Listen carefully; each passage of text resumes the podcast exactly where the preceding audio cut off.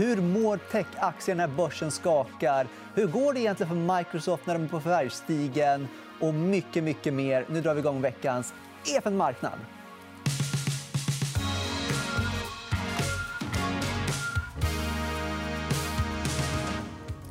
Och för att snacka om tech då har jag med mig Carl Arnfelt, Helene Groth. Varmt välkomna båda två. Tack så mycket. Tack, tack. Hur har eh, vintern varit? Har det varit händelserikt? Har det varit lugnt? Har ni haft semester? En kort semester. Jag har inte varit så långt från Stockholm. Så att eh, man börjar se fram emot våren och eh, Q4-rapporterna. Det är väl mitt nuläge. Mm. Nej, men det har varit rätt lugnt för mig också. faktiskt. Så att nu är vi laddade för ett nytt år. Ja, och den har ju väl börjat med buller och brak. kan man väl säga. Det var lite surt nu i början av året. Är ni oroliga?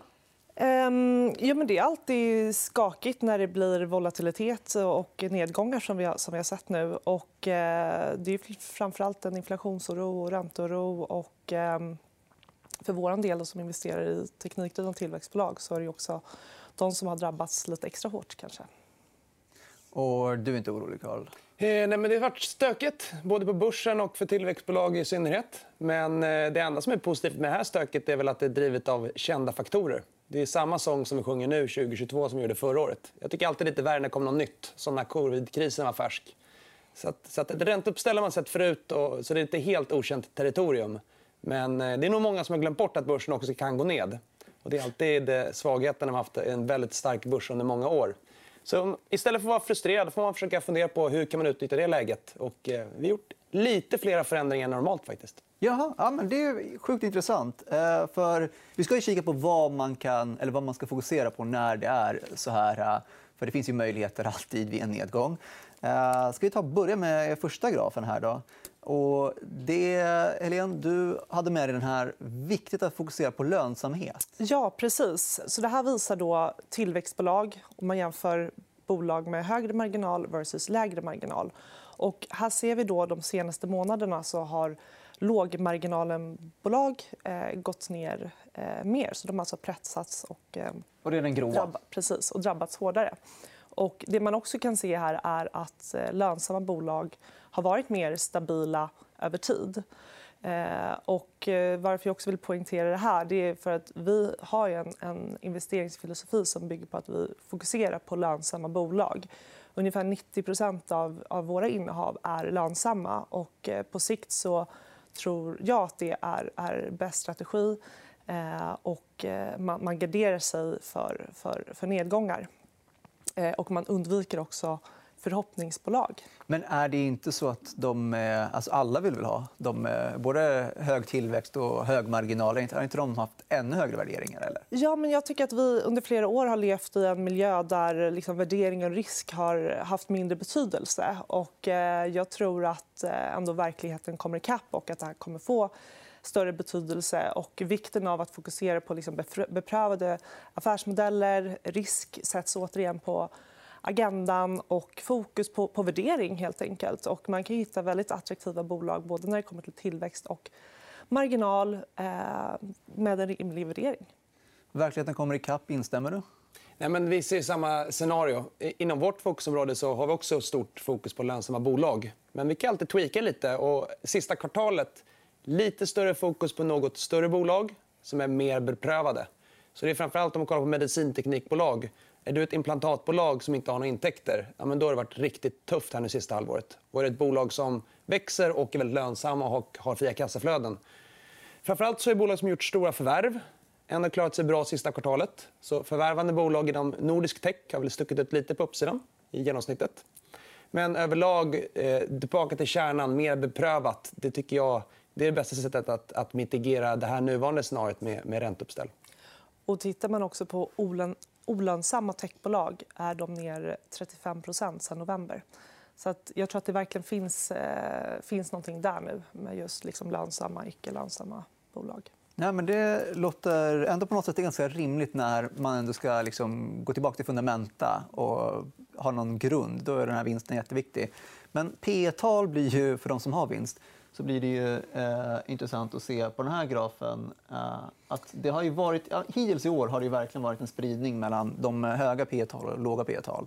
Ja, och framför allt det vi sett nu här i början av året är att eh, det mesta har ju gått ner såklart. Då, men eh, om man tittar på de bolagen med högsta P talet har gått ner eh, mycket mer än, än de lägre värderade eh, bolagen.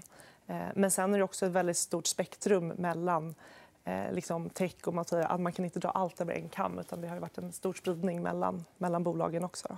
Men var det här förväntat ändå? Om, om, om man har haft de här bolagen som gått så bra så länge. Man har pratat om att tillväxtbolag har varit fantastiska väldigt länge. Tech har gått jättebra. Att när det väl skakar så skulle de vara kanske de som tog mest stryk, i alla fall i en början. Eller? hela 2021 så vände mönstret var att när rapporterna kom så gick snabbt växande bolag väldigt bra. Det fick ändå bevis på att tillväxten fortsatte. Det var inte bara 2020 vi började att digitalisera utan det kommer fortsätta även efter covid.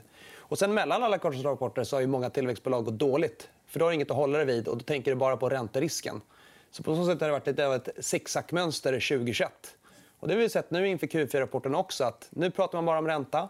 Sen kommer rapporterna. får man se lite bevis på hur går det för bolagen. Så, så, men det är som alltid. Eh, Value har väl fått sina fem minuter i, i, i solskenet. Kommer det bli fem minuter eller kommer det vara flera år? Det är klart att, att Value kan säkert ha ett helt okej år eh, 2022 jämfört mot, mot tillväxt. Det är inte omöjligt.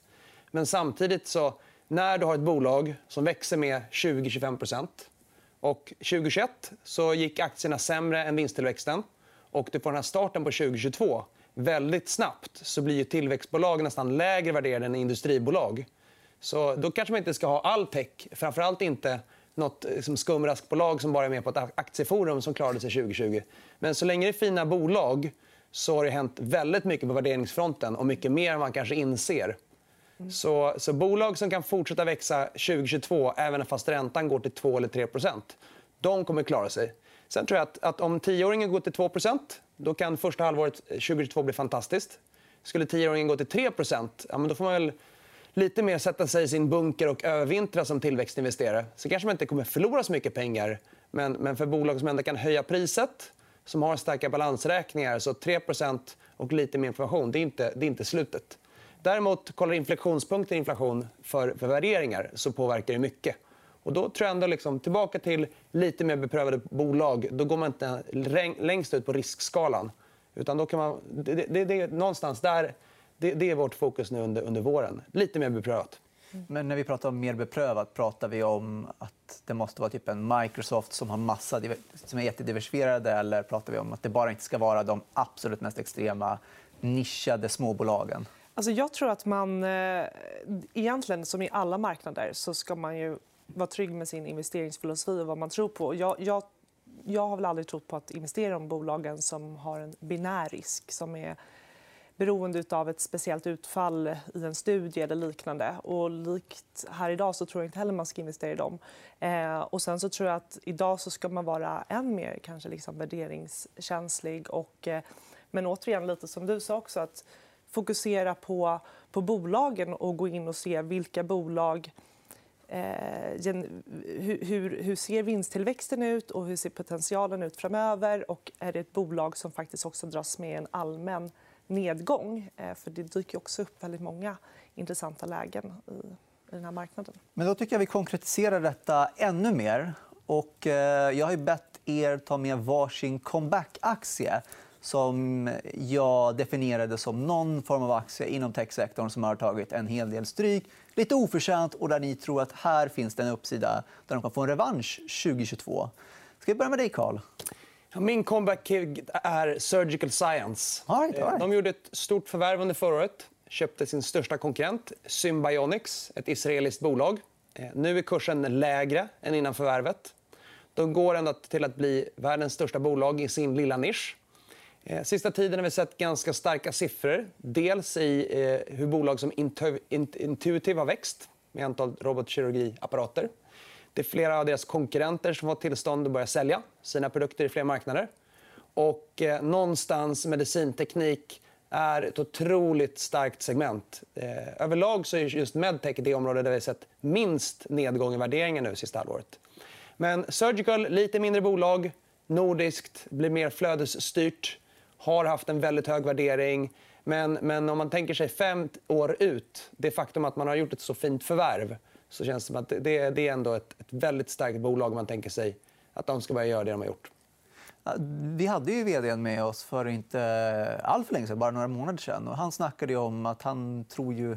Han är väldigt långsiktig och pratar om att det här kommer att vara en förändring över lång tid där det kommer ändå låta konstigt att man lät en kirurg göra det här för hand. Um, hur långsiktig skulle du vara i detta case? Är det fem år? Eh, det, det, får man se. Vi, vi utvärderar alla våra bolag. Det är klart att när vi kan vara så är vi så långsiktiga som vi bara vågar. Så definitivt. Gör du en DCF då, så är det inte som så att deras tillväxt kommer att försvinna om fem år. Utan det segment kommer att växa i väldigt många år. Sen så, så vill man att bolaget ska förbättras på alla punkter över tid. Så, att, så att, eh, ett sånt här snabbväxande bolag det är inte heller som ett, ett Microsoft som ni kan stoppa helt i byrålådan och inte ens ringa och fråga hur det går för dem. Utan det gäller nog att ändå ha, ha någon slags dialog. Men, men definitivt så är det ett bolag som kan lyckas utöver, liksom, utöver fem år.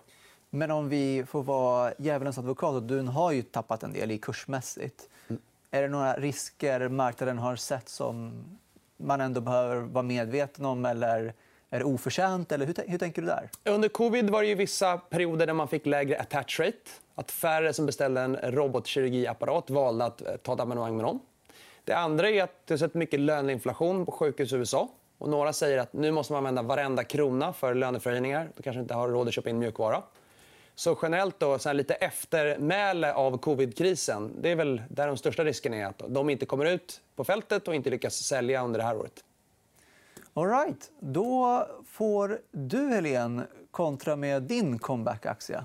Ja, um, jag har tidigare genom åren pratat en del om Sinch. Och, uh, jag tycker att den har kommit ner rejält nu. Den har ju mer än halverats sedan toppen för ett antal månader sedan. Och, eh, jag tycker att den är attraktiv på, på de här nivåerna. Eh, och, eh, sen så får man ha med sig att Q4-rapporten som, som släpps här eh, relativt snart kommer säkert vara lite tuff. Eh, tuffa komps. Eh, du har en del liksom, interaktionskostnader och lite marginalpress och liknande. Och det är väl också det som, som marknaden har, har prisat in. Men, men därifrån så tror jag att eh, liksom fortsatt tillväxt och ehm, eh, marginalexpansion eh, kan, kan, kan fortsätta. Och, eh, det är också ett bolag som vi ser på väldigt eh, långsiktigt. Att det här är otroligt stark marknadsposition. och Inte minst med de senaste förvärven som har gjorts också har ju stärkt den här och satt dem i en unik position. Eh, och, ehm, jag tycker att det är ett intressant läge. Men om man ska vara rättvis så har ju Sinch-aktien gått väldigt, väldigt bra innan den här nedgången. Mm. Så, netto så är den ju, om man haft den i fem år så har, behöver man inte gråta riktigt även efter den här nedgången. Um, är det fortfarande så att den är ändå, trots eh, all den här uppgången på de här fem senaste åren, fortfarande undervärderad? Men jag kan väl tycka att den har ju sprungit före sitt liksom, fundamenta. Eh, framförallt när det var på, på liksom de, de, högre nivåerna här eh, tidigare förra året. Då. Eh, och det har vi sett bland väldigt många, många bolag också. Så det är väl rimligt att eh, man, man stannar upp och att det blir en, en liksom korrektion och, och, och, liknande. Och det är mycket som händer i bolaget. Men eh, det har ju hänt otroligt mycket i bolaget under de här senaste fyra åren också. Eh, eller fem som har varit på börsen nu. Eh, så det är ett helt annat bolag, så det är klart att då ska det också värderas på ett annat sätt. Ehm, men, eh, ja, men, men med det sagt så tror jag att de har en, ja, de har en, en bra, bra position helt enkelt. Och nu handlas de ju 50 i rabatt tror jag, mot Twilio, sin amerikanska konkurrent.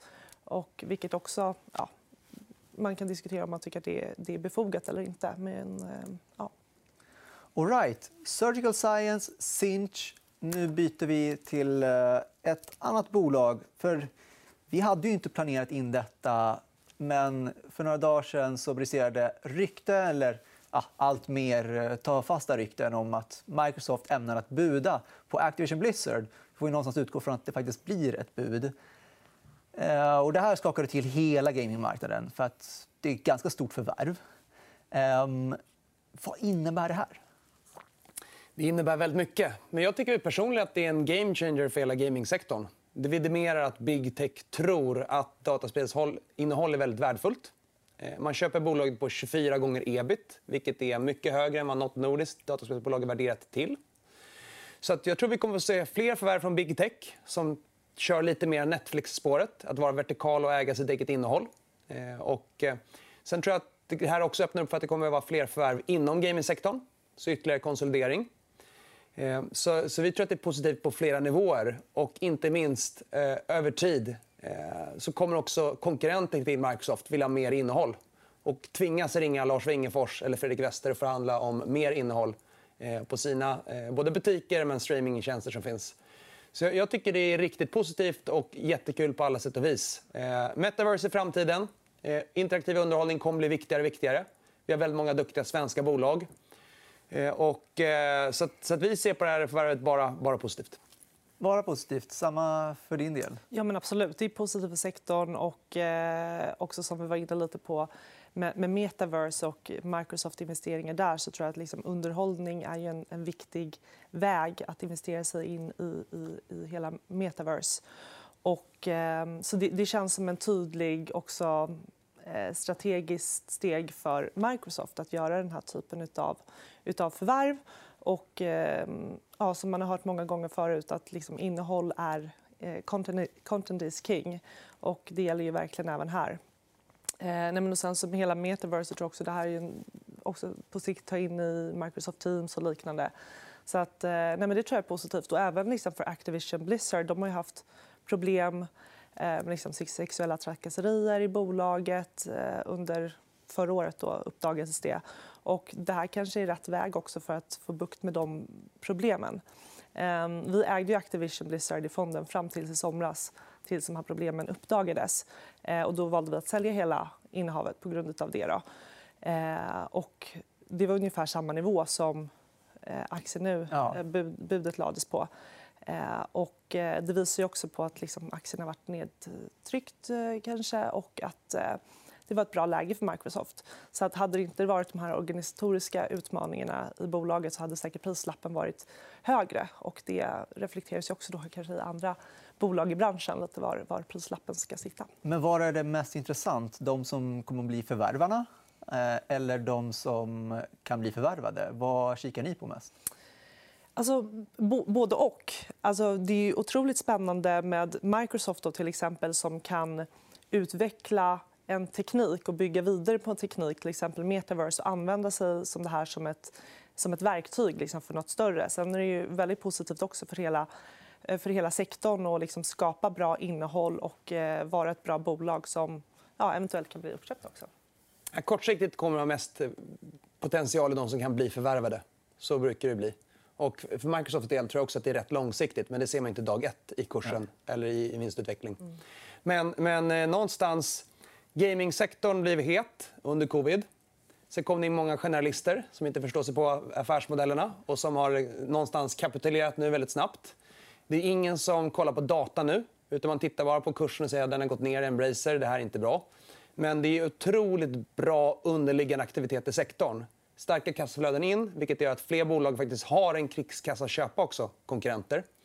Så jag tycker ändå hela förvärvet visar att sektorn på riktigt har flyttat upp från källaren till finrummet. Nu är det någonstans på riktigt.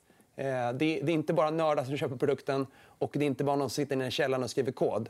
Utan jag tror verkligen interaktivt innehåll kommer att värdesättas högre i framtiden. Om vi då går till lite svenska tänkbara såna uppköpskandidater. Kan Paradox till exempel bli en sån uppköpskandidat? Alltså, det där är mest öppet mål är ju Stillfront. Lite svagare aktieägarlista. Ja. Eh, jag tror Paradox och Embracer, det vi hoppas på är att de ska konsolidera andra bolag och inte tvärtom. Okay. Så att vi hejar ändå på och, och säger att, att, det faktum att man sålde iväg ett Minecraft och ett King, det var fel. Eh, de som har blivit vinnare på det, det är Activision och det är Microsoft, inte svenska aktieägare. Så jag tycker det är bättre att säga till både Lars och Fredrik att eh, det är bättre att ni köper Eh, att vi bygger eh, starka bolag här som är, som är ute i utlandet och förvärvar. Det, det är ändå det vi hoppas på till största del. Sen så gör det ingenting om värderingarna är lite högre för publika bolag som kanske blir förlängningen av den här transaktionen. Men, men vi hade nog ändå gråt, gråtit lite om, om något av de bolagen försvann. Ja, Lars och Fredrik, en uppmaning till er från Karl. Sälj inte, behåll i Sverige. Och, eh, du hade väl tidigare Nintendo för mig? Ja, men precis. Nintendo är ett innehav som vi har i, i fonden. Eh, vi har även eh, Electronic Arts. så att Vi har ju många av de där större jättarna. Och jag tänkte på Nintendo. det känns ju ändå inte som, som de är lite speciella. Det känns inte som de måste förvärva på samma sätt som andra för de har haft så mycket eget content. Alltså, de har ju en otroligt stark, eh, stark IP-portfölj. Eh, så att, men eh, ja, jag vet inte. Det är väl rimligt att man kanske kan se förvärv där också så småningom. All right. Ska vi ta och eh, avsluta med att eh, vi fått in lite tittarfrågor. Många har frågat lite samma sak. Eh, Roblox. Ehm, du, Carl, sa inför programmet att jag har en hel del att säga om Roblox. Mm. Och, eh, ja, vad, vad är utsikterna där? Nej, men Roblox eh, har ju varit ett tag på börsen nu. Eh, gått väldigt bra. Eh, bolaget har gjort det man sagt att man ska göra. Så att vill man vara långsiktig och man tror på metaverse tycker jag att Roblox och Unity är de bästa plattformsbolagen som finns för den exponeringen. Och, eh, nej, vi tycker att det är jätteintressant. Eh, lite högre värdering har påverkat väldigt mycket nu. Men samtidigt har de kommit till den här punkten, precis som Facebook när de IPO'ade, att de har ändå en, en storlek i omsättning, en storlek i antalet anställda så, att, så att oavsett om det ska vara ett tuffare klimat så kommer de klara sig helt hyfsat operationellt 2022 eller 2023. Så jag tror det hade varit tuffare för Roblox om de var mindre. Då, då kanske man blir lite mer nervös som aktieägare. Så de får kämpa på. Och, eh, och jag tror fortfarande att, att den här organiska tillväxten vi har sett som varit över 50% det är väldigt få bolag i världen som lyckas med det. Viktigaste är att de fortsätter växa i den här ålderskategorin över 13 år. För långsiktigt så, så är det nog ändå mer attraktivt för aktieägarna om man blir en lite bredare plattform. Och någonstans kanske man måste också ha lite bättre liksom, någonstans verktyg för att göra andra typer av spel. Det kan inte bara vara de enklaste legospelen utan att skapa lite mer djup och bredd i plattformen. Men eh, otroligt duktiga och har faktiskt växt snabbare än vad vi trodde sen man kom till börs. All right. Och ska vi ta och runda av detta? Vad är det ni ser mest fram emot till eh, det här året? Vad är det ni kikar på mest? Vi börjar med det, Helene. Alltså, tematiskt, menar du? Eller? Ja, ja. precis. Inom... Um, men jag, tycker, jag pratade om det tidigare, men digital säkerhet. Digital, tycker, ja, uh, digital säkerhet. och Det blir så otroligt stort nu också när all digital infrastruktur byggs upp uh, i samhället, privatpersoner, företag. Och vi ser olika typer av it-attacker var och varannan dag. och här blir det otroligt viktigt att, att investera. Och här tror jag att många många eh, av bolagen som vi investerar i också kan göra nytta. Kan du namedroppa några? Ja, men Paolo Alto i USA till exempel. En trygg, stabil, stor aktie där. Du då, Carl? Jag ser fram emot mest? Jag tycker ändå det som är roligast nu är medicinteknik. Eh, förra veckan så började faktiskt Moderna, som gjorde ett av covid-vaccinen, världens första kliniska studie mot Epstein-Barr-viruset som till exempel orsakar MS. Så att hela den här vågen av personaliserad vård, att göra läkemedel där man tar ut Eh, DNA från en, en individ och sen injicerar igen. Det är inte någon framtidsfilm, utan det sker här och nu. Och kliniska studier som har startat till, till bakgrund av egentligen att covid och mRNA-vaccin har varit så framgångsrika. Så personaliserad vård, där har vi stora exponeringar. Vi har ökat den andelen och eh, det är ett superspännande område. Ja, digital säkerhet, personaliserad vård. Det låter som två kanonämnen till nästa gång ni är här. Men det var allt vi hade med i denna EFN Marknad. Vi är tillbaka igen på onsdag. På återseende.